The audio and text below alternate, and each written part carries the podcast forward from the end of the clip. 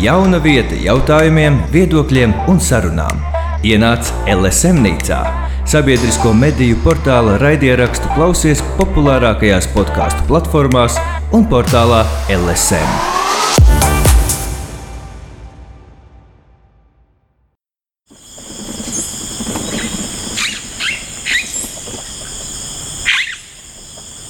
Dziesmu svētku tīklos. Dziesmu svētku tīklos. Dziesmu svētku pētniecības raidieraksta jauns cikls speciāli LSM nīcai - Raida Naba. Sveicināti! Dziesmu svētku pētniecība veltītajā raidījumā Dziesmu svētku tīklos. Mēs esam otrajā sezonā. Raidījumu vada datu zinātnieks un roka mūzikas pētnieks Linards Kalniņš. Un studijā šodien pie mums ir ieradušies Ilze Šarkovska Liepiņa, muzikoloģe, Latvijas Universitātes literatūras, folkloras un mākslas institūta pētniece. Labdien! Labdien! Un uh, Arnolds Klotiņš, muzikologs, mākslas zinātņu doktors, Latvijas Universitātes literatūras, folkloras un mākslas institūta vadošais pētnieks. Sveicināts! Sveiki, jā, Ilze arī doktore. Es īstenībā Ilzi jau sasveicinājās, um, uh, tikai kad trešā daļa no viņas uh, tituliem tika nosaukta arī mūzikas informācijas uh, centra pirmā direktore, kas ir veidojusi digitālo latviešu komponistu datubāzi, latviešu simfoniskās mūzikas katalogu, vadījusi Mūzikas akadēmijas zinātniskās pētniecības centru, ir vairāk grāmatu sastādītāju, autoru un līdzautoru, un svaigākā no šīm grāmatām ir, ir monogrāfija Dziesmu svētkiem 150, vēsture un versijas, kuru autoru kolektīvā ir arī Arnolds Klotiņš. Šī grāmata būs atspērienu punkts mūsu sarunai šodienas raidījumā, lai uh, izvērtētu un atskatītos uz svaigākiem dziesmu svētkiem, salīdzinot tos ar to, kas jau vēsturiski ir noticis. Bet pirms mēs ķeramies tam klāt, man ir jums katram privāts jautājums, kā jūs paši uh, satikāties ar dziesmu svētku tīkliem, jeb kā, ir, uh, kā tie dziesmu svētki pirmo reizi jūsu atmiņā tieši pie jums personīgi nokļuva.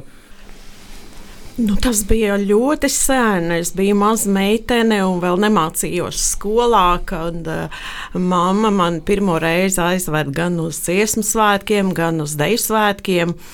Un tā tas ir bijis katru reizi. Nu, es taisnība sakot, neatceros, kas tie bija mm, par dziesmu svētkiem. Tie bija 60. gadi, uh, 60. gadu beigas. Un, eh, tā tas ir bijis eh, caur un caurēm, līdz eh, es no skatītājas kļuvu par dziedātāju, studējot konservatorijā, tagadējā mūzikas akadēmijā, un dziedāju vairākos koros. Pēc ilgāka pārtraukuma atkal esmu atsākusi dziedāt korī, aizkrauklis korī, kā vienkārši dziedātāji. Tad līdz ar to man ir skatījums no daudzām un dažādām pusēm, gan no malas kā bērnības iespaidi eh, gan eh, no dziedātāja puses, arī kā svētki ir mainījušies, un arī kā objektīvai un, un bezskaislīgai pētniecei. Mm -hmm. Paldies! Un Arnold, jūsu? Jā, nu man liekas, tas būs vēl senāk. Uh, Es kā dalībnieks piedalījos 1948. gadā. Es nu pat skaitu, ka laikam te ir pagājuši 75 gadi. Es tajā gadā beidzu pamatskolu un dziedāju bērnu korī. Mūsu diriģēja Jānis Ozoliņš un uh, Jānis Milzerājs, un tad dziesmu svētkos taisni bija. Virsdirigents bija Jēkabs Mediņš, mūsu kurītim. Tā, tie bija mani pirmie dziesmu svētki 1948. gads. Lieliski. Tā tad īstas, īstas atmiņas. Tā, tā nav nekāda vēsture. Tas ir īsts, īsts šeit studijā dzīves atmiņas. Lieliski. Un, un tagad jautājums milzīga dziesmu svētku monogrāfija, 150 gadus aptvert, uzaicināt veselu pētnieku, autoru kolektīvu, kā radās šī ideja, kā izveidojās šī komanda un, un kā jūs nokļuvāt līdz uh, Ilze līdz šai, šim milzīgajam darbam? Nu, patiesībā es druskuļi pakomentēšu to darba milzīgumu, jo patiesībā, manuprāt, tas nav milzīgi pret to tradīciju. Un patiesībā šī kolektīvā monogrāfija izgaismo tikai dažus dziesmu svētku aspektus un galvenokārt no mūzikas skatu punktu, jo mēs zinām, ka uz dziesmu svētkiem var paraudzīties no ļoti dažādiem skatu punktiem un uh, no dažādu sociālo zinātņu uh, viedokļu, no antropoloģiskā, socioloģiskā un daudz citu. Mani uzaicināja veidot darba grupu uh, Nacionālais kultūras centrs. Izveidojām redkolēģiju, kurā piedalījās arī Arnolds Klotiņš un daudz citi. Tostarp arī viens no grāmatas autoriem Jānis Erenštreits un arī Orests Silberietis. Un tad vairākās smadzeņu vētrās tika izdiskutēts grāmatas modelis, par ko tad īsti varētu šajā grāmatā rakstīt. Nu, tā mēs nonācām pie kaut kādiem tēmu aspektiem, kas būtu uh, aktuāli, kas būtu interesanti lasītājiem un kas būtu arī vērtīgi no dziesmu svētku izpētes viedokļa šajā brīdī, e, šajā situācijā. Līdz ar to e, mēs visi esam e, ļoti dažādi, gan mūzikas žurnālisti, gan muzikologi, gan, gan praktizējoši diriģenti, tad tie skatījumi arī uz mūziku drusciņi atšķirās. Un, šīs grāmatas īpatnība ir tā, ka no vienas puses šeit ir ievērot visi zinātniskuma kritēriji, e, bet te pašā laikā mēs centāmies vērsties pie lasītājiem, e, lai viņiem būtu interesanti. Un šķiet, ka tas e, vairāk vai mazāk ir izdevies. Mm, paldies, um, Arnold. Es um, pētot to grāmatu, um, man kā zinātnē bija ļoti interesanti redzēt, ka jūs bijat izpētījis tiešām procentuāli um, katru svētku procent, uh, procentu sastāvu no tautas dziesmām. Tā kā to repertuāru tiešām visu 150 gadu laikā izvērtējis, kā, kā jūs nokļuvāt pie tās idejas un ar tādu skrupulitāti skrupulozitāti jūs varējāt tam iziet cauri, un varbūt kāds tāds atklāsmes, ko radio klausītājiem būtu interesanti dzirdēt? Nu, man bija uzdevums rakstīt par dziesmu svētkiem un tautas dziesmu. Nu, tad es rakstīju šo un to, ko es domāju par to, bet es domāju, ka tur vajadzētu kaut kādu statistiku, cik tā tautas dziesma īsti ir bijis dziesmu svētkos. Nu, tā es tur uztaisīju tos tās tabuliņas, kur ir katros dziesmu svētkos vai vismaz periodos parādīs tas tautsdziesmu procents. Nu, Tautsdziesma jau bija milzu nozīme. Pirmie dziesmu svētki jau sastāvēja repertuāra ziņā gandrīz tikai no tautsdziesmām. Tur bija tikai divas latviešu ordinālu dziesmas la, laicīgajā koncertā. Nu, garīgais koncerts tā ir Doma baznīcā pa sevi. Un uh, tautas dziesma, jā, nu, Tautas dziesma toreiz bija arī tāds, eh, nu, kā es saku, pēdējais salmiņš, pie kura latvieši varēja ķerties, lai parādītu, ka viņiem ir sava vēsture. Tāpēc, ka vācu baltiešu aprindas jau neatzina latviešu kā tautu, un viņi jau neatzina, ka tautas dziesmām būtu kaut kāds latvisks īpatnība. Bet, nu, dziesmas svētki pierādīja, un to rakstīja gan vācu avīzes, gan krievu avīzes, latviešu tautas dziesmas ir tas īstākais, kas nu, muzikālā ziņā ir saglabājies no tautas uh, vēstures. No tādā veidā. Mm -hmm, paldies!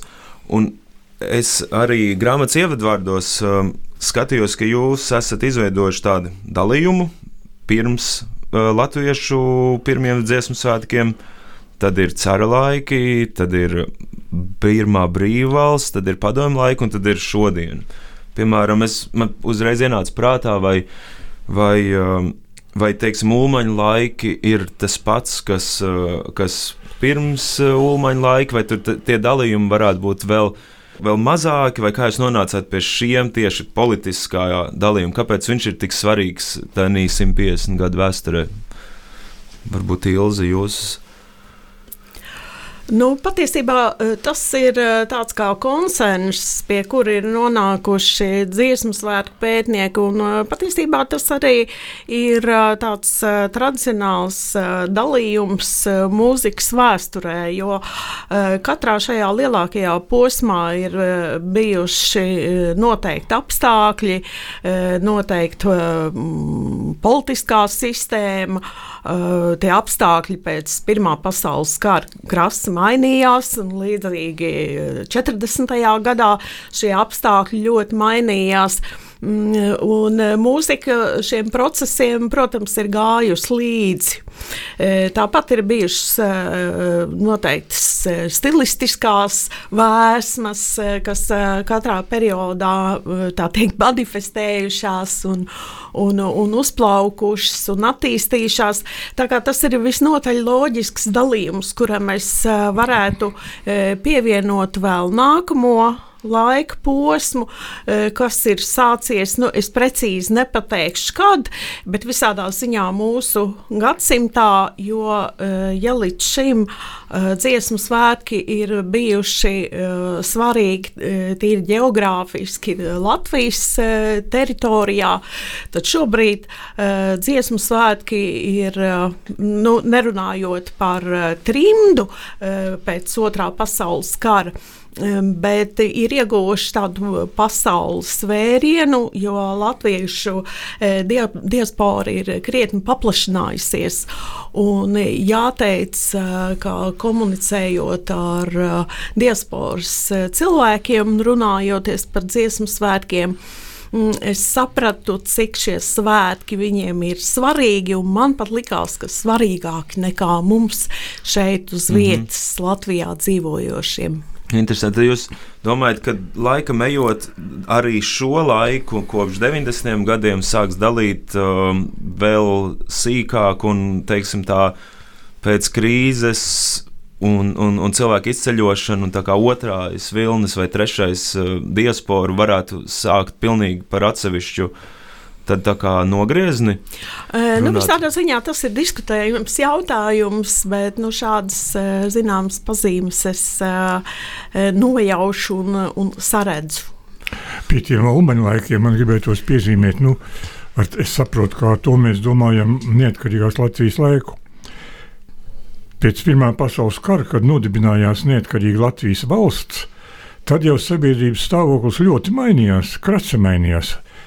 Cara laikā viņi bija minoritāte, kas cīnījās tikai par savām tiesībām. Dziesmu svētki bija tā sakot, nu, tas līdzeklis, kā viņi arī parādīja sevi. Tā bija minoritāte. Bet, kad nodibinājās Demokrātiskā Latvijas republika, tad uh, Latvieši kļuva par, par nāciju savā valstī, vai ne? Un tad jau sākās arī interesants parādības. Tad sākās tas, kas citās valstīs jau citur bija. Tad bija zināma mantiskā noslāņošanās, idejiskā noslāņošanās. Savā laikā rakstnieks Pāvils Grūzins pateica, nu varbūt sociāldemokrātiem vajadzētu rīkot savus dziesmu svētkus. Mm -hmm. Bet nu, tas nenotika, un lielā mērā tas, notika, tas nenotika tāpēc, ka tautas dziesmai bija liela nozīme dziesmu svētkos un nacionālajai klasikai. Jo redziet, tāpat kā valoda visus apvieno kā dzimtā valoda, tā tautas dziesma toreiz vismaz apvienoja visus kā dzimtā muzika. Un tautas dziesma bija pieņemama visiem, gan sociāldemokrātiem, gan arī pilsoņiem un tā tālāk. Nu, jā, to es gribēju piezīmēt. Jā. Man ļoti interesanti bija ieraudzīt, ka, ka Melngāls ir savas paralēlos, paralēlos dziesmu svētkus centies organizēt, jo viņš nebija apmierināts ar to, kā, kā Latviešu biedrība to organizēja. Tas bija vienā gadījumā tikai. Vienu reizi. Mm. Jā. Interesanti, vai, vai jūs varat kaut kādas vilkt paralēlas, piemēram, ir cara laiks un padomi laiki, vai brīvvalsts un šodiena, vai, vai, vai, vai tās ir salīdzināmas lietas, vai mēs varam tieši kaut ko paņemt arī organizatoriski, saimnieciski, idejiski, vai, vai, vai, tā, vai, vai uz katru to periodu jāstāsta pilnīgi individuāli. Dziesmu svētku rīkošanas pieredze e, nav tapusi vienā dienā, un pat ne desmitgadēs. E, faktiski jau no pirmajiem dziesmu svētkiem e, sāka veidoties organizatoriskās tradīcijas, un ar katru laika periodu šīs tradīcijas tikai papildinājās un nostiprinājās, sākot ar to, ka vēl caur laikā tika organizēti brīvi vilcieni respektīvi dziedātāji par brīvu varēja doties uz dziesmu svētkiem un tam līdzīgas lietas. Uh, un, uh, vienotā repertuāra veidošana un darbs ar uh, kordirģentiem arī tam bija ļoti svarīga nozīme. Tas arī viss sākās jau ceru laikos. E, tā kā nu, šis e, modelis e, ar vienu ir attīstījies un uh, papildinājies katrā laikā, iegūstot kaut kādas savas iezīmes, bet uh, visā visumā uh, šos svētkus vienmēr ir rīkojušas uh, ietekmīgas un, un darbspējīgas grupas grupas, jā, tātad darba grupas, eh, kas kārtoja gan saimnieciskos, gan eh, citus jautājumus, gan repertuāra jautājumus, repertuāra drukas jautājumus. Uh, starp dziesmu svētkiem tiek rīkotas dziesmu dienas, arī šī dziesmu svētku kustības daļa tika veidot jau īpaši un, un attīstīta starpkara periodā. Tā kā ļoti daudz ko mēs esam pārņēmuši. Mm -hmm. nu, tā teiksim, tādā sabiedriskā ziņā visvairāk atšķīrās uh, sovietiskā laika dziesmu svētki. Jo tie bija paredzēti kā sovietizācijas instruments, ne kā propagandas instruments. Bet tur bija tā, ka nu, no vienas puses vajadzēja dziedāt uh, dziesmas par Staļinu un tā tālāk. Uh, Bet tā pašā laikā bija atļauts arī tautas dziesmas. Jo galu galā marksismā ir, marksisms um, ir, ir deklarējis, ka tautas dziesma ir darba tautas māksla. Nu, Tātad tautas dziesmas ir atļauts, un arī dažas klasiskās, kā piemēram Vītola gaismas pils un dārziņa laustās spriedzes un tam līdzīgi. Tā kā šīs tautas dziesmas un tā Uh, nacionālā klasika un atmiņas par uh, neatkarības laika dziesmu svētkiem. Un tas, ka nu, tagad mēs varam būt visi kopā kā latvieši un latviešu valodā dziedāt, cik nu, bija atļauts latviešu valodā, cik krievu valodā, tas bija tomēr tas, kas uzturēja nepārtrauktību dziesmu svētkiem. To kopības apziņu tomēr uzturēja.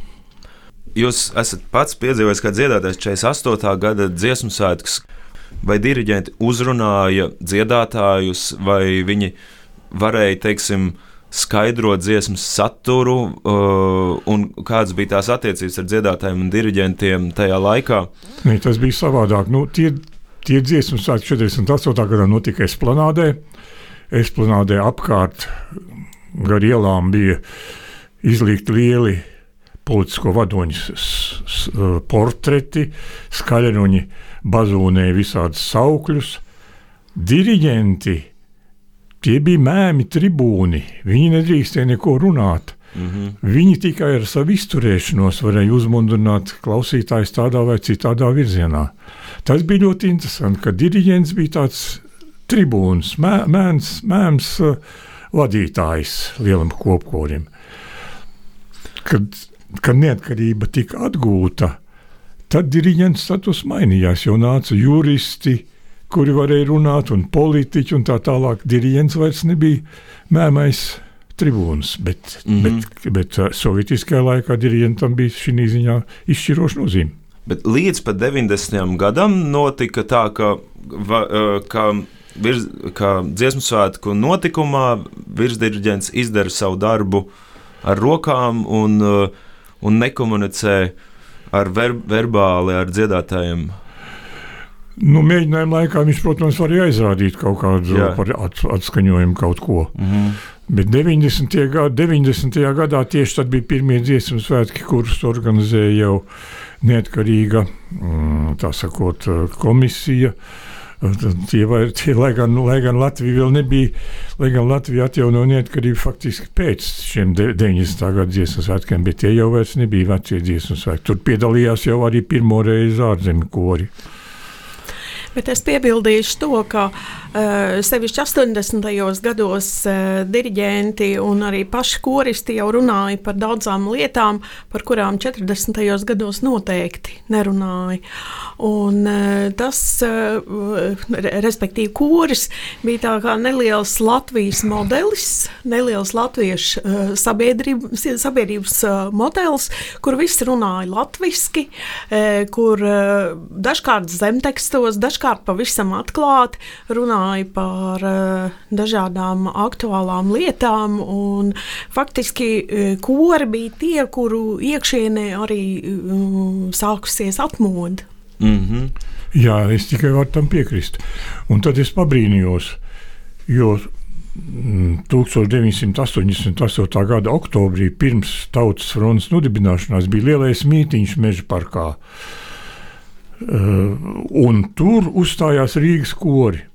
Un es pabrīņos, viņi dzied patriotiskās Latvijas dziesmas, kuras Sovietiskā laikā bija aizliegtas. Kur viņi to ņēmuši? Izrādās, diriģenti jau viņi bija, diriģenti viņiem bija dažās nedēļās to iemācījuši. Ļoti ātri. Jā. Un bija arī tāds repertuārs, e, kas neoficiāli tika dziedāts dažādos e, kori iekšējos sajietos vai e, braucienos ar autobusu uz kādām koncertu vietām. Un tad nu, nu, nosacīt vairāk vai mazāk aizliegtais repertuārs tika dziedāts. Kā jums šķiet pēdējo 30 gadu laikā, ka jūs pat varat pateikt kādas interesantas tradīcijas, kas ir ieviestas un kuras ir tieši vērtīgas un saglabājamas? Nu, es domāju, ka uh, virsdiģenta vēlēšanas tas bija kaut kas jauns. To vairs nenoteica režīma vara, bet uh, to noteica paši vēlētāji. Bez tam tagad ir daudz vairāk virsdiģentu. Tagad ir dziesmu svētkos ir no apmēram desmit virsdiģentu vismaz. Un tas nozīmē, ka tie dziesmu svētki tomēr ir kļuvuši tādi atklātāki no šī viedokļa. Nu, ko, ko es gribētu teikt? Pēdējo 30 gadu dziesmu svētki man bija bažas pēc neatkarības atjaunošanas. Toreiz bija ļoti daudz kamerkoru, kuriem bija dažāds repertuārs, dažādas sakot, estētiskās prasības. Viena gribēja dzīvo, dziedāt moderno mūziku, otra gribēja dziedāt kaut ko citu, atkal cita, atkal vairāk ārzemnieks un tālāk un tā tālāk. Un man bija bažas, ka varbūt dziesmu svētki, kuri prasa vienotu repertuāru un vienā, vienotu nostāju, ka viņi var izšķibēt. Bet tā nav noticis. Tomēr šie svētki, kā tādas nācijas vienotības svētki un, un nācijas spēju demonstrēšana, dziedāšanas ziņā, viņi ir saglabājušies. Un viņi, viņu popularitāte pat ir augusi, es teiktu. Jo teiksim, tas, ko jūs redzējāt pagājušos dziesmu svētkos gājienu laikā, visu dienu pilna, pilns Rīgas centrs ar cilvēkiem. Tas bija brīnums. Jā. Tu klausies LSM Nīcu, sabiedrisko mediju portāla raidierakstu.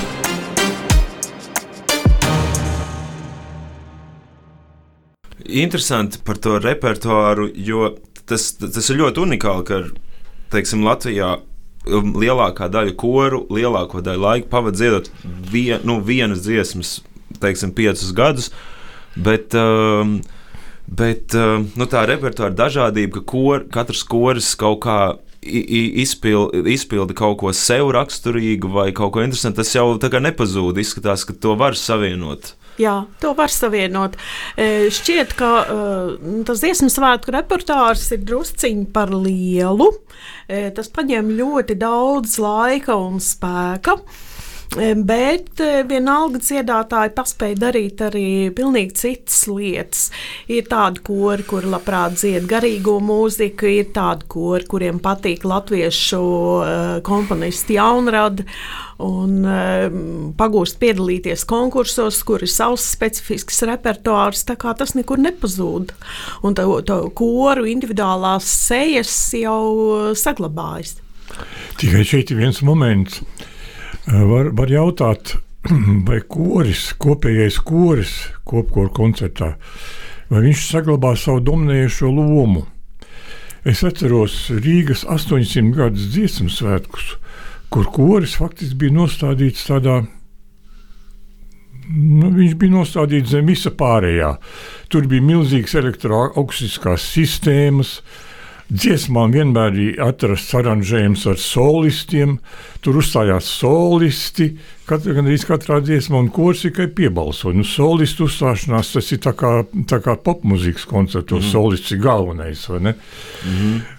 Tā kā kora nozīme elektroniskās skaņas un, un dažādi tādi attribūtikas dēļ, kas apvīd dziesmu svētkus, viņa arī draud pazust. Um, beidzamos gados tas vairs tā nav, tas ir kaut kā izlīdzinājis, bet tomēr beidzamos, beidzamos dziesmu svētkus es arī ievēroju, ka tur, piemēram, tādā prologā bija ļoti daudz teksta.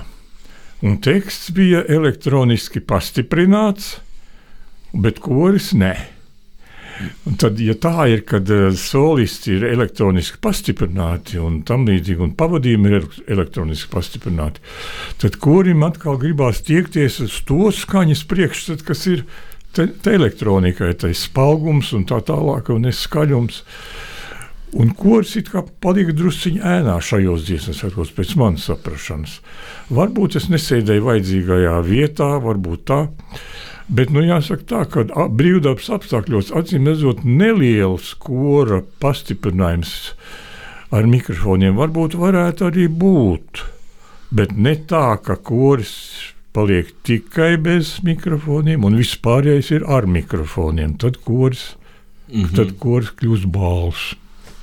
Relatīvi. Un jūs, jūs piedzīvojat abus lielkoncertus, koru, koru mūzikā? Šajos svētkos? Klātienē es klausījos vienu to noslēgumu koncertu. Mm.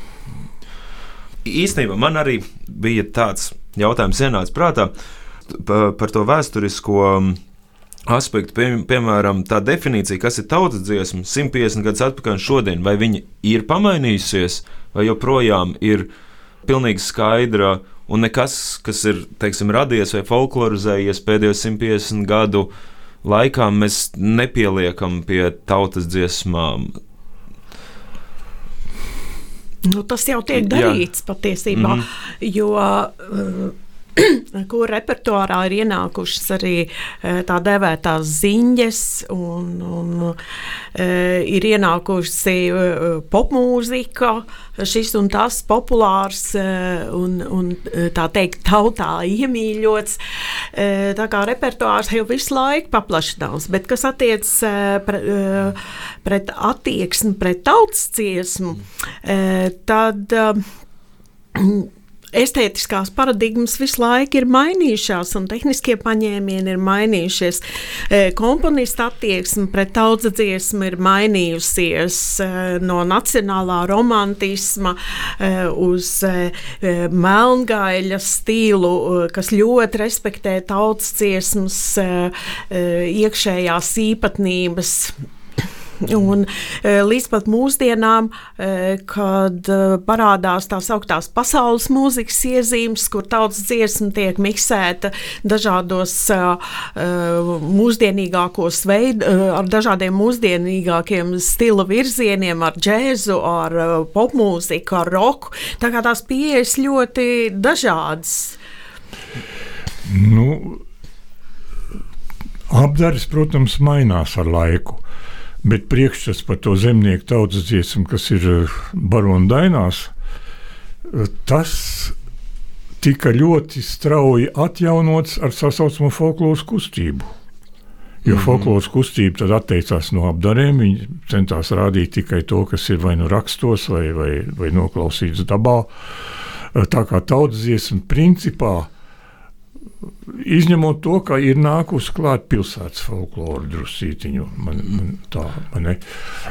Bet arī tā pilsētas folklora to deiskumu un tā tālāk, tā vairāk dejas svētkos izpaužās.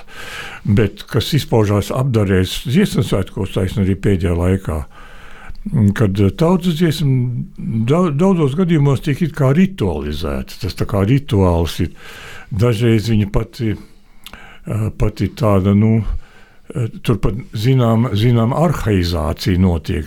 Piemēram, plašās apdars kāds ir Prauliņam vai Karlsonam vai eh, Vaivodam. Nu, viņas ir tā tāds liels koru poēmas, kurā ir kā tāds kā, kā rituāls. Ir daudz kas no, no senatnes un tā tālāk, ritmikā un tam līdzīgās lietās.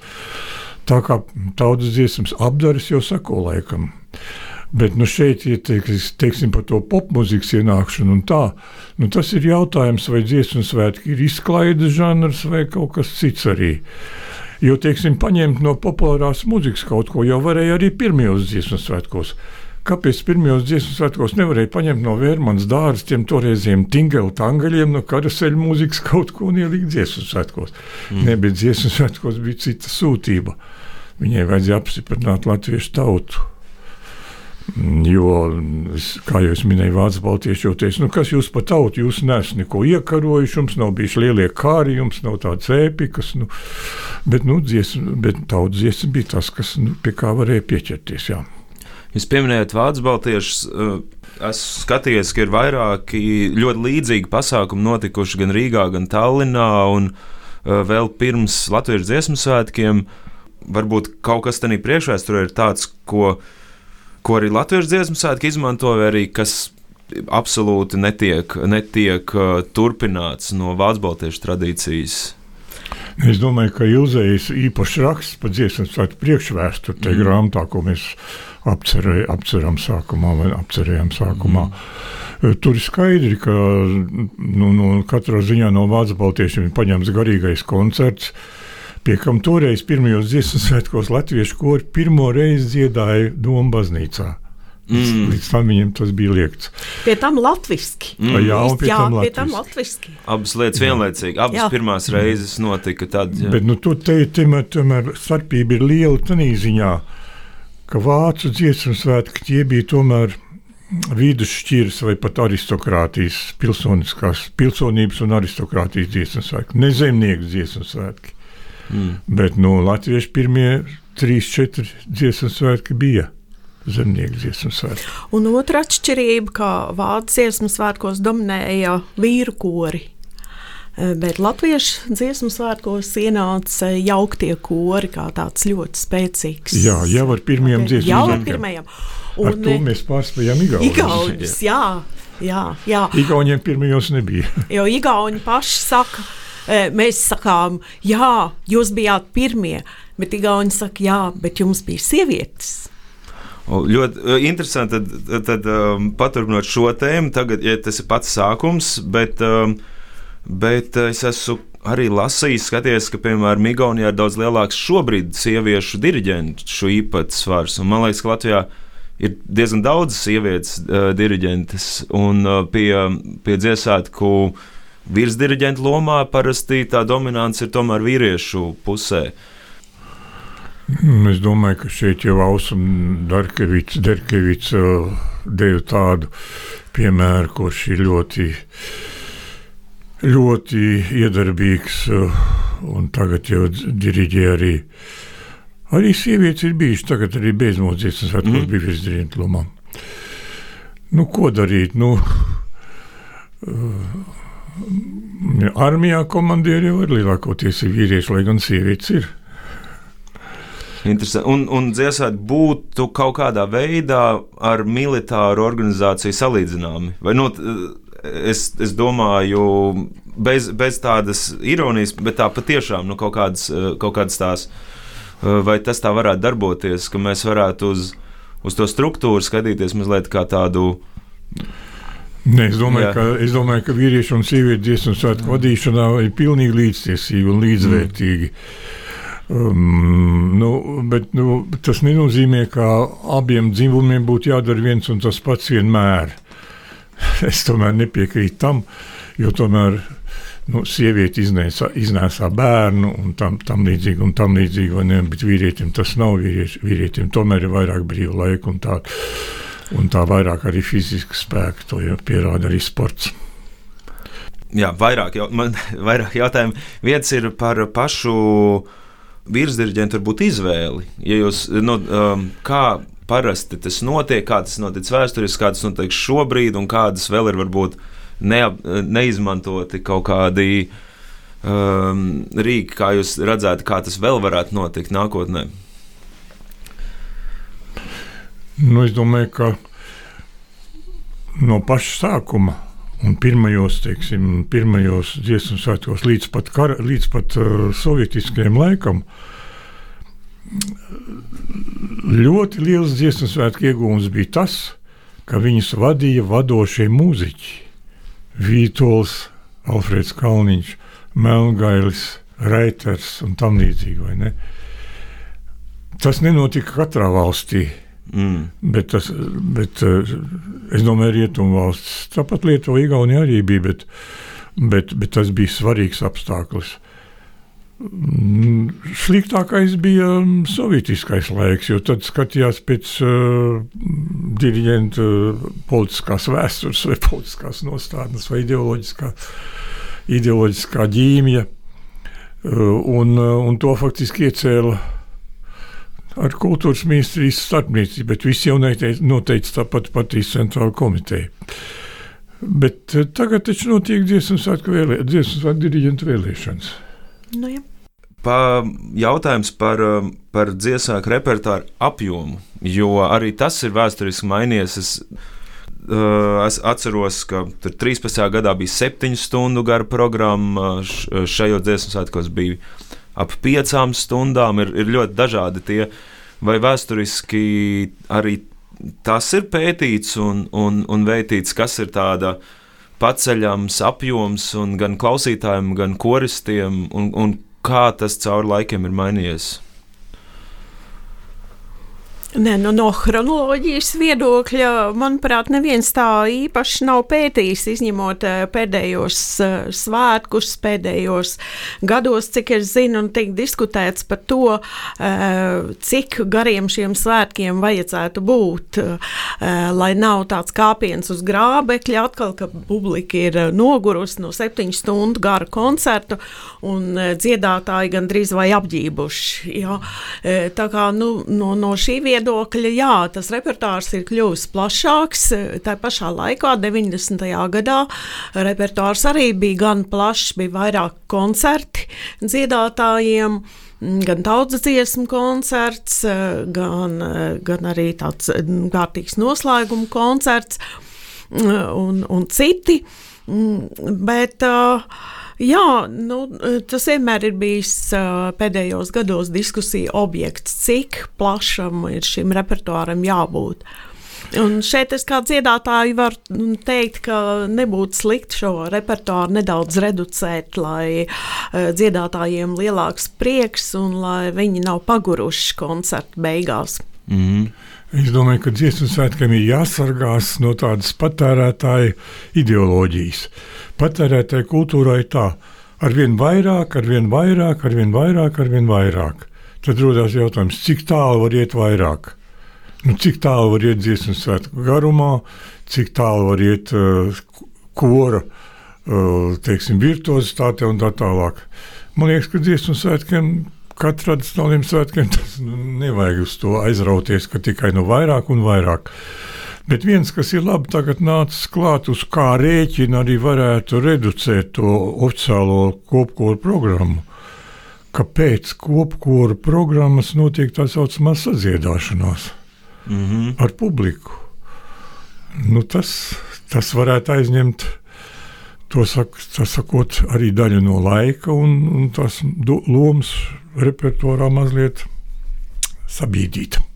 Un tā tiešām ir jauna tradīcija, tā sadziedāšanās. Jā, jā, jā. jā. Starp citu, es arī domāju, nu, piemēram, dziedāšana tramvajā varētu būt kaut kas, kas ir uh, UNESCO aizsargājams un kaut kas um, kā uh, daļa no kultūras, šīs, jaun, šīs jaun, jaunievestās kaut kādas lietas, ar ko dziesmu svētki ir apauguši. Viņas kļūst aizvien vairāk, un jā, kā uz to skatīties, vai tā ir folklore, vai tas kaut kas sargājams, vai tas ir pilnīgi kaut kas cits, kā akapela un tautas dziesmas dziedāšana uz estrādes, piemēram. Tā ir dziesmu svētku tradīcijas sastāvdaļa.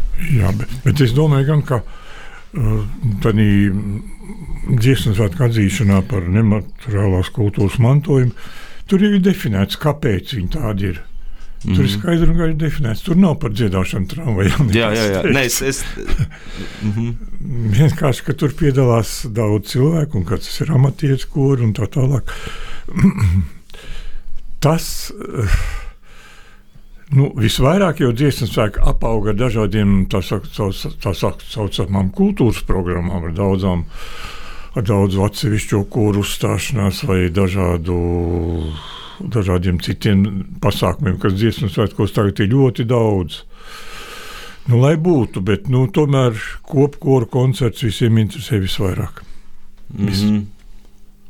E, tagad gan dziedātājs e, lielā mērā ir izkonkurējuši dejotāji, un šeit arī rodas e, jautājums par to, vai gadījumā deju svētki vispār nebūtu jānošķir drusciņi, nu tie ir tehniski no dziesmu svētkiem. Uh, jo eh, dziesmu svētku programmas ir, dziesmu un deju svētku programmas ir pārāk piesātināts, un arī, eh, arī dejotājiem gribas dzirdēt dziesmu svētku koncertus vai dziedātājiem skatīties deju svētku priekšnesumus, bet šobrīd tas fiziski mm. vienkārši nav iespējams.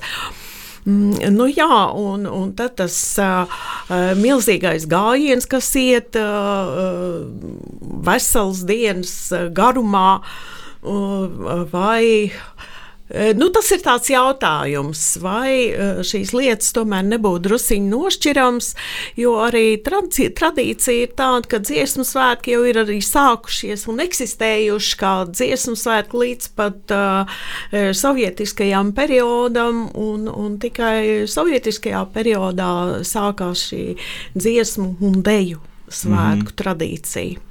Bet vai vispār ir tāds piedāvājums bijis? Atsevišķa dziesmu svētku nedēļa, atsevišķa deju svētku nedēļa, vai tas ir kaut kas tik tālu neiedomājams, ka par to nav tādas nopietnas sarunas bijušas? Man liekas, ka tas nekur oficiāli diskutēts nav.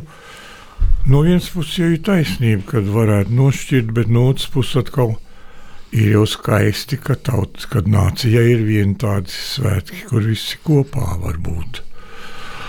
Bet man pret gājienu gan nav nekā, jo tur nu, cilvēki svētki tomēr ir tāda lieta. Nu, svētki vajadzīgi visiem, jo svētki ļauj cilvēkam izrauties no tās normatīvās ikdienas eksistēšanas, kas viņam ir. Viņam tur svētkos ir citi nosacījumi. Ne? Nu, viņš, viņš arī grib sev parādīt, nu, tad, lai, lai būtu tas gājiens. Un, un no otrs puses, skatītāji grib atkal apsveikt tos cilvēkus, kurus viņi pazīst, vai nepazīst, vai kurus, vai tam līdzīgi. Man pret, pret to gājienu nav nekas. Turpretī sovietiskajā laikā tas gājiens bija tāds.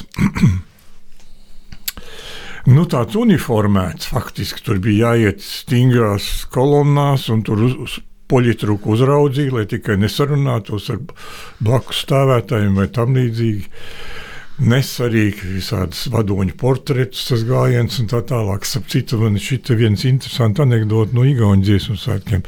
To man atstāstīja viens liecinieks, Artis Kumsārs, kas tur piedalījies. Proti, viņš ir bijis dziesmas, Igaunijas dziesmu svētkos, kad bija Igaunija simtgadu laikam, jā. Un tur nu tagad nāk gājiens. Nu, priekšā, kas tur ir Hruščovģīms vai Brežņovģīms, kaut kas mm. tāds, tālāk vēl kā ģīmi. Bet kā otrais viņš ievēro Jānis Cimze, mm -hmm. kas bija pirmais tautsdziesmu apdarbinātājs un daudz ir viens skolotājs. Un viņš jautāja tam vienam igaunim, kas tur stāvēs malā, kas tas, tas, tas, tas, tas bildes ir. Tas atbildēs, ah, tas ir Molotovs Ribbentrops. aha, aha. Šī tāds humors. Es atkal piebildīšu tādu lietu, ka pēc manas pieredzes jau 70. gadu beigas un 80. gadi jau vairs nebija attiecībā uz gājieniem tik traki. Jā, jā, vajadzēja stāties tais striktajās rindās, bet tā atbrīvotības sajūta un sasaukšanās ar ielā stāvētājiem, tas bija kaut kas unikāls tam laikam. Eh, jo eh, es atceros, ka es kā skolniece mm, biju aizgājusi uz eh, dziesmu svētku gājienu, stāvēju ielas malā. Sākumā ļoti samulsusi, nesapratu īsti, kas notiek un, un, kāpēc no publikas skan dažādi sveicieni. Un beigās ļoti labi iejutos, sasaucoties ar koriem, bet tas tajā laikā bija kaut kas īpašs, tāda ļoti spontāna un, un, un tiešām tāda brīvības vēsma kas mm -hmm. tieši svētkos un dziesmu svētku gājienā izpaudās. Vēl es esmu dzirdējis, ka Igaunijas dziesmu svētkos cilvēki vienkārši uzplūst uz skatuves, tā kā katrs mēģina atrast savu vietu, un Latvijā esot daudz striktāk, daudz sakārtotāk. Igaunijā vispār pati dziesmu svētku norises vieta ir savādāka. Tur ir tā, tur ir dziesmu svētku tā, tā, tā estrāde, tad ir dziesmu svētku laukums, kur ir sēdvietas, un tad ir tāds liels pacēlums augšā kalns un visa tā kalna nogāze un arī kalna virsotne ir nokaisīta ar tādiem ar, ar skatītājiem. Tur var daži pat, pat izklāja sēdziņu un noliek kaut kādus pikniku uzkožamos un klausās un tā tālāk, bet tomēr aplaudē un tomēr arī prasa atkārtošanu un tā tālāk. Mm -hmm. Viņiem ir brīvāka atmosfēra. Nu, kāpēc? Es nezinu, kāpēc tas tā ir. Nu, tā pati vieta to nosaka, un Igaunijas raksturs varbūt arī tāds ir enerģiskāks, atklātāks. Bet viņiem ir arī drusciņš savādāks tas repertuārs. Jā. Jā, ar citādāku ievirzi. Viņi vairāk uz, tā, mm. uz to mhm. populāro mūziku tomēr ir mm. tendēti un, un, un tā ļoti viegli uztver tos dziesmu svētkus. Mm nu, te jāatcerās, ka dziesmu svētki apvieno divas tādas lietas. No vienas puses tā ir tie ir tautas svētki un, un pat etniski svētki ar tautas starpiem, ar dejām, ar rituāliem. No otras puses, tas ir profesionāla lieta, jo tur ir profesionāli diriģenti un profesionāls repertuārs un tā tālāk. Šīs divas lietiņas, ja viņi, ja viņi nebūtu tautas svētki, tad viņi būtu tikai kora festivāls, tā kā mm. pasaulē daudz. Mm. Ja nebūtu profesionālitātes un dziedāšanas, tad viņi būtu tautas svētki, bet tautas svētki ir arī karnevāli, alus svētki, folkloras mm. svētki, sporta svētki un tā tālāk. Dziesmu svētki šī ziņā ir tā, nu, varbūt uz vienu pusi vai uz otru pusi iet, bet es domāju, ka abu, abu, abu apvienojums ir šo svētku īpašība, īpatnība. Nu, jā, un, uh, Latvijā šobrīd tas līdzsvars ir uh, profesionālismu pusē un repertuāra pusē, mm. kvalitātes pusē. Mm -hmm. Respektīvi, tie ir tie mākslinieckie mērķi. Un man šķiet, ka kaut kādai zināmai estētikai ir uh, pakļauts ar, arī uh, visu ciesmu svētku ārējā norisī, ieskaitot šos uznācienus, kas tiek režisēti. Uh, ar vārdu sakot, lai būtu uh, šāds uh, estetizēts uh, priekšstats un vai, lai veidotos tāds estetizēts skatījums uz mm -hmm. uh, kori un, un visu uh, šo ritualizēto procesu. Tu klausies LSM Nīcu, sabiedrisko mediju portāla raidierakstu.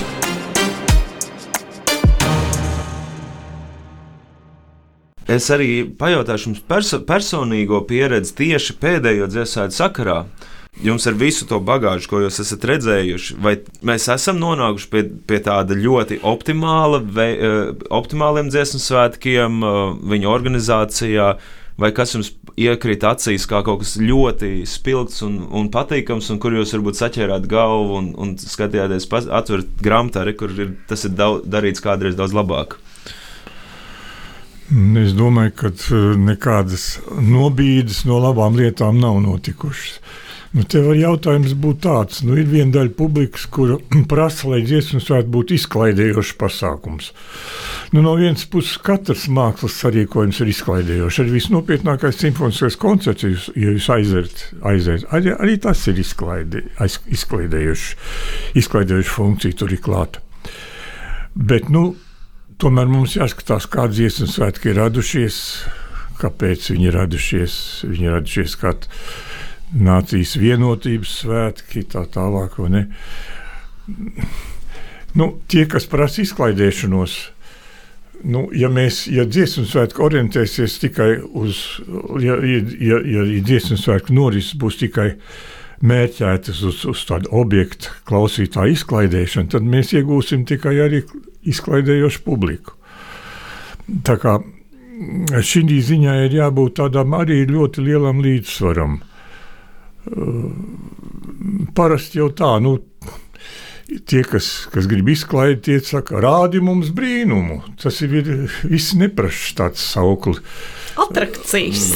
Rādi mums brīnumu. To viņi adresē tiem, kas kaut ko dara un kas kaut ko rada. Mm -hmm. Bet nu, šī gadījumā tas nav popmūzikas koncerts, kurā, kur, kurš uzrunā teiksim, tikai cilvēkus kā pūli, kā tādu. Man sevišķi nepatika, uh, tas bija uh, Rīgas. Uh, Rīgas svētkos, kad tur laida miglu. Nu, kas ir migla? Tas ir tāds, tas ir tāds diev, diev, dionīzisks apmācī, apmācības simbols, ko laiž popmūzikas koncertos, lai būtu tā lietiņa, būtu tāda. Tas bija šovasar? Uh... Nē, nē, šovasar ne, tas bija tajos Rīgas dziesmas svētkos.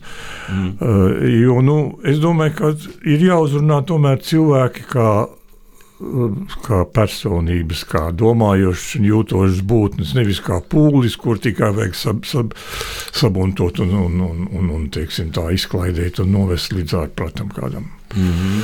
Tā kā ar to izklaidīt, tā ka izklaidi vienmēr būs dziesmas svētkos, nāks klāt izklaidi. Jā. Un arī paši cilvēki brauc. Es kādreiz dzīvoju Siguldā, tādā mājā, kur apmetās dziesmas svētku dalībnieki. Ļoti daudz meklē tikai nu, satikšanos ar citiem draugiem un tā tālāk. Un tā tālāk. Izklaidi vienmēr būs klāt. Bet speciāli to veicināt, to nevajadzētu. Un kāds spilgtākais tieši moments no šiem dziesmu svētkiem, tā, tāds personīgi varbūt pieredze?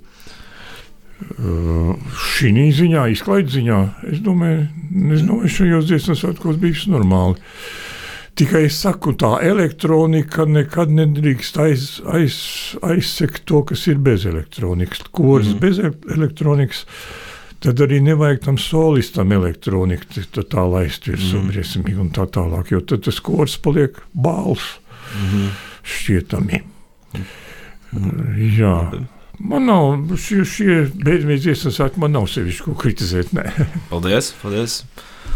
Ilze.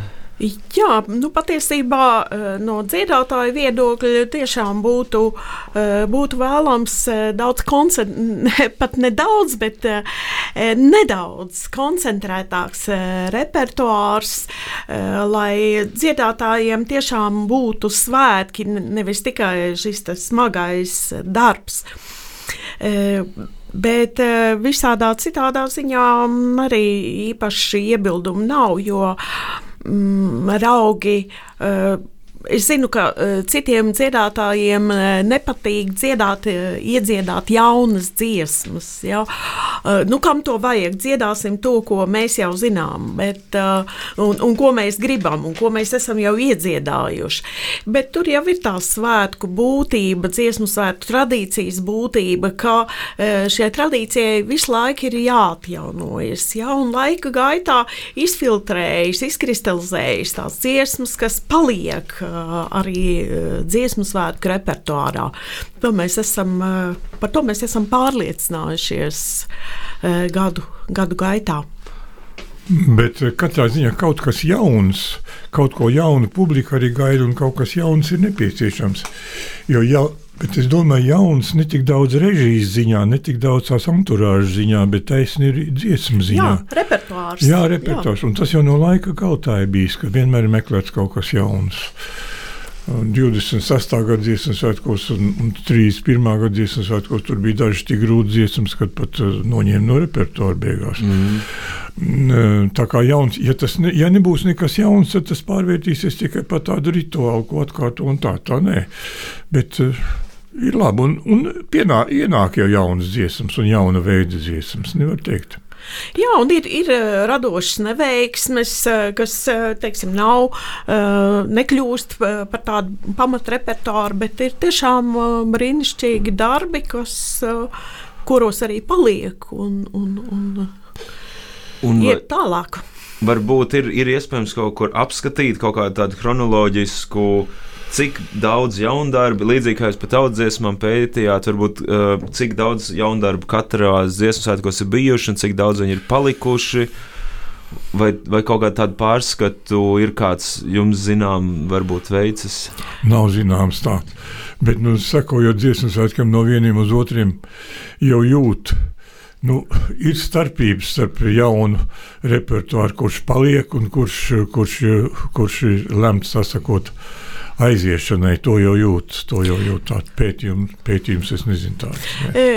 Patiesībā uh, Valentīna Bērskalna grāmatā par dziesmu svētkiem Valentīns Bērskalns ir trimds uh, latviešu komponists un muzikologs. Mm, Tur līdz pat uh, Otrajam pasaules karam uh, ir izpētīts un uh, minētas uh, tās dziesmas, kas ir nākušas no jauna. Tā kā šāds pārskats ir. Uh, Eh, un arī dziesmu svētku mazajā encyklopēdijā, manuprāt, līdz 2004. vai 2003. gadam, neatceros precīzi, kad encyklopēdija ir nākusi klajā, bet tur arī eh, šim repertuāram var pasekot līdzi. Tur ir eh, tādas tabulas beigās, kur grāmatiņas beigās, kur katrai dziesmai ir minēts, kuros dziesmu svētkos tās ir skanējušas. Mm -hmm. Tā kā, bet tāda visaptveroša pārskata līdz mūsdienām mūsdienām, sevišķi attiecībā uz mūsdienām, nu, tāda, diemžēl, vēl nav. Tā kā ir ko darīt mm. pētniekiem. Ļoti interesanti. Un kā jums eh, pašiem, kā pētniekiem, kā, kā jums liekas tā pati pētniecības vide? Gan cik daudz pētījumu notiek, cik daudz viņos ieklausās un cik daudz uh, uh, arī jauni pētnieki nāk jums palīdzīgā, un kā jūs vērtētu tieši dziesmētu vēstures un šodienas pētniecību? Mm. Nu, ir viena grāmata, viena varena grāmata izdevusi Kultūras akadēmija. Mm. Dzies, tas ir dziesmas svētku anatomija, viņa laikam saucās. Tradīcijas anatomija. Tradicijas, tradīcijas anatomija, jā, nu, tas ir ļoti pamatīgs pētījums, kas ir dziesmas svētki, jā. Bet, nu,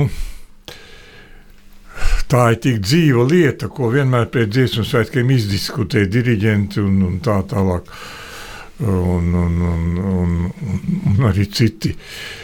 Daudz pētījumu Latvijā par dziesmu svētkiem nav īstenībā. Tā encyklopēdijā ir un šādi tādi raksti. Man jau arī bija tas gods.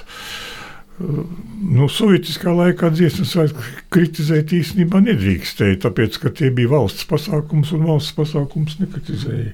Ne. Nu Bet es sāku rakstīt tādā žurnālā zinātnē un tehnika, ka kaut kas tāds kaut ko tādu mēģina. Pēc tam socioloģiski pētījumi ir bijuši. Tīsenkopam ir bijis pa dziesmu svētkiem un tā tālāk. Bet nu, tā ir dzīva lieta, kur teorētiski var skatīties, jā, tagad šajos dziesmu svētkos ir trīs jaunas dziesmas, tajos ir divas jaunas dziesmas. Bet kā tas īstenībā ir bijis, vai tās paliek, vai tās gariem zobiem nodzīt, mm. tas atkal cits jautājums. Vai viņas atkārto? Jā. Jau, ja, ja jums būtu kas novēlams, gan dziesmu dalībniekiem, gan arī nākamo svētku organizatoriem. Varbūt, uh, es gribētu mm, teikt tā, ka e,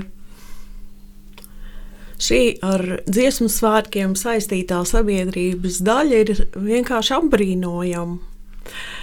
Diriģenti ir apbrīnojami, jo Nu, pat jau mēs arī redzam tās diskusijas uh, par to uh, finansēšanas modeli, jā, kā diriģents saņem atalgojumu vai drīzāk nesaņem atalgojumu pienācīgu. Uh, tā kā ļoti daudz kas balstās gan uz personīgo entuziasmu, tādu profesionālu ieinteresētību, sadarbību, līdzdarbību. Es gribētu, lai šī vēlme dot nevis tikai ņemt, jā, lai tā neapdzīstu. Es uh, vēlu to, lai uh, diriģenti tiek uh, attiecīgi novērtēti. Bet galvenais jau ir šī vēlme degt. Un degt ne tikai tradīcijas labā, bet arī mūzikas labā, un ideju labā un e, kopības labā. Tā ir tāda ārkārtīgi svarīga lieta. Paldies! Nu, ko man gribētu īstenībā vairāk to teikt organizatoriem, lai organizatori nedzenās pēc izklaidēšanas, bet lai vienmēr atcerās dziesmu svētku būtību, ka tā ir tie svētki, kuros tauta savu situāciju ne tikai pārdzīvo, bet viņa mākslinieckā formā pauž Un reizē tie ir arī tautas vienotības svētki. Faktiski tie ir lielākie Latvijas svētki. Ja paskatās, cik daudz piedalās. Es nezinu, skaitļi vai tagad pa beidzamiem dziesmu svētkiem kopīgie skaitļi ir publicēti, bet nu, to jau nu, ar neapbruņot acis var redzēt, ka tas ir lielākais, lielākais kultūras pasākums. Un neaizmirst to, ka tur ir gan, gan etniski svētki, gan amatierisms, gan arī profesionālisms. Tie ir, tie ir unikāli svētki. Un tas jāsaglabā. Kadreiz jautā, nu, ar ko dziesmas, kur dziedātājs ir mainījies. Nu, Sovietiskā laikā bija tā, Mm, tad jau cilvēki nebija tā personības kā tagad. Tagad cilvēks ir vairāk personība. Viņš pats izvēlās, ko viņš dara, un viņa kādreiz apstākļi piespiež darīt to vai nedarīt to. Tagad, ja viņš piedalās korī, tas ir kaut kas, kas notiek. Agrāk bija tā, Krievijā laikā, ka, nu, kaut kādā koris ir, nu tad es padziedātu, ne tā. Tagad tas ir savādāk, koris sevi personība, kurš piedalās vai nepiedalās. Bija jau vēl tie skolotāji kori, kur bija jāciet obligāti mm. skolotājiem. Jā, tie, jā, jā, kuriem jā, jā, bija jā, jā. dotības un kas bija mūzikas skolotāji, tie, tiem tā bija obligāta lieta.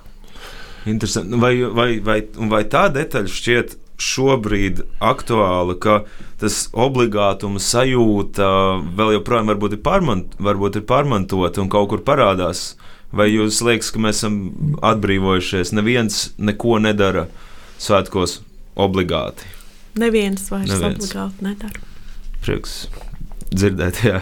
Vēl man gribētos padomāt par to, savā laikā skolu kori piedalījos Lielajos dziesmu svētkos. Un tas bija ļoti svarīgi. Es arī piedalījos 48. gadā, bet pēc tam vēl. Kā arī. skolnieks? Skolnieks, jā. jā. Jo viņi iegūta tādu poti mm -hmm. uz dziedāšanu, un uz pulcēšanos, un uz vienotību. Tagad viņi ir atsevišķi. Mm -hmm. nu, arī nav slikti, bet par to, ka vajadzētu vismaz gimnāzijas koriem piedalīties, piedalīties lielajos Es domāju, ka tas būtu pluss. Bet daļa jau piedalās. Eh, tie, kuri piedalās, jā, jā. Kas, mm. kas ir apguvuši repertuāru, tiem ir uh, ļauts piedalīties. Viņi jā? individuāli izcīna, tagad skatās to iespēju. Cik zinu, jā. Es atgādinu, ka studijā ir Ilze Šarkovska liepiņa. Muzikoloģija un dziesmētkiem veltītās grāmatas 150 gadai vēsturversijas sastādītāji, kā arī Arnolds Klotiņš, muzikologs, un Latvijas Universitātes Literatūras folkloras mākslas institūta vadošais pētnieks. Mēs uh, lēnām tuvojamies raidījuma noslēgumam. Varbūt jums ir kaut kas, ar ko jūs atnācāt, ko jūs noteikti gribējāt pateikt, vēl ko es jums nepajautāju. Nu, jā, ir viena doma, mm, proti par uh, sākotnējo dziesmu svētku identitāti, uh, proti par uh, garīgās mūzikas aspektu un šo svētku garīgo šķautni, kas svētku sākuma posmā bija ārkārtīgi svarīga. Jo latvieši jau savā būtībā tajā laikā vairs nebija nekādi pagāni, bet eh, visi kārtīgi kristieši. Ir ļoti uh, svarīgi, ka mēs to apzinātos arī šodien. Mm -hmm. Bet visu padomu laiku tas neeksistēja. Tā, Protams, tā, tā ir tradīcija, jā, kas nav. Kas ir atjaunot? atjaunot kas atšķir, ir atjaunot? Atšķirībā no laicīgās, jā. kas ir tiešām 150 gadus dzīvojusi. Jā, jā, jā. Bet uh, garīgās mūzikas tradīcija, protams, uh, bija ļoti svarīga gan uh, dziesmu svētku pirmsākumos, gan starpkarku periodā, bet uh, pēc tam tā varmācīgi tika mm -hmm. pārtraukta un tagad atjaunot. Un, uh, daudz baznīcu kori arī svētkos piedalās, arī ir izcīnījuši šīs, uh, šīs tiesības, bet uz draugu koriem jau arī uh, pirmie svētki lielā mērā ir turējušies, un arī trimdā Mm. Svētki ir uh, turējušies uh, pateicoties šī tradīcija, izturēta pateicoties daudziem draugu kuriem. Mm -hmm. Un jums, Arnold, um, kaut kas, kur jums liekas, ka obligāti būtu šajā kontekstā? Nē, nu es jau daudz ko esmu teicis. Paldies! Es jums saku lielu paldies par dalību un jūsu, jūsu skatījumu. Viņš paldies jums, ka atnācāt uz studiju. Paldies par interesi. Paldies par uzklausīšanu. Jauktdien, visu labu! Šis bija raidījums Dziesmu svētku tīklos. Raidījumu dziesmu svētku tīklos veido radionāba autori Linards Kalniņš, Ieva Jurga, Jānis Daugavietis Uldis Gedra un Madars Tramdiežs. Jauna vieta jautājumiem, viedokļiem un sarunām. Ienāc LSM Nīcā, sabiedrisko mediju portāla raidierakstu klausies populārākajās podkāstu platformās un portālā LSM.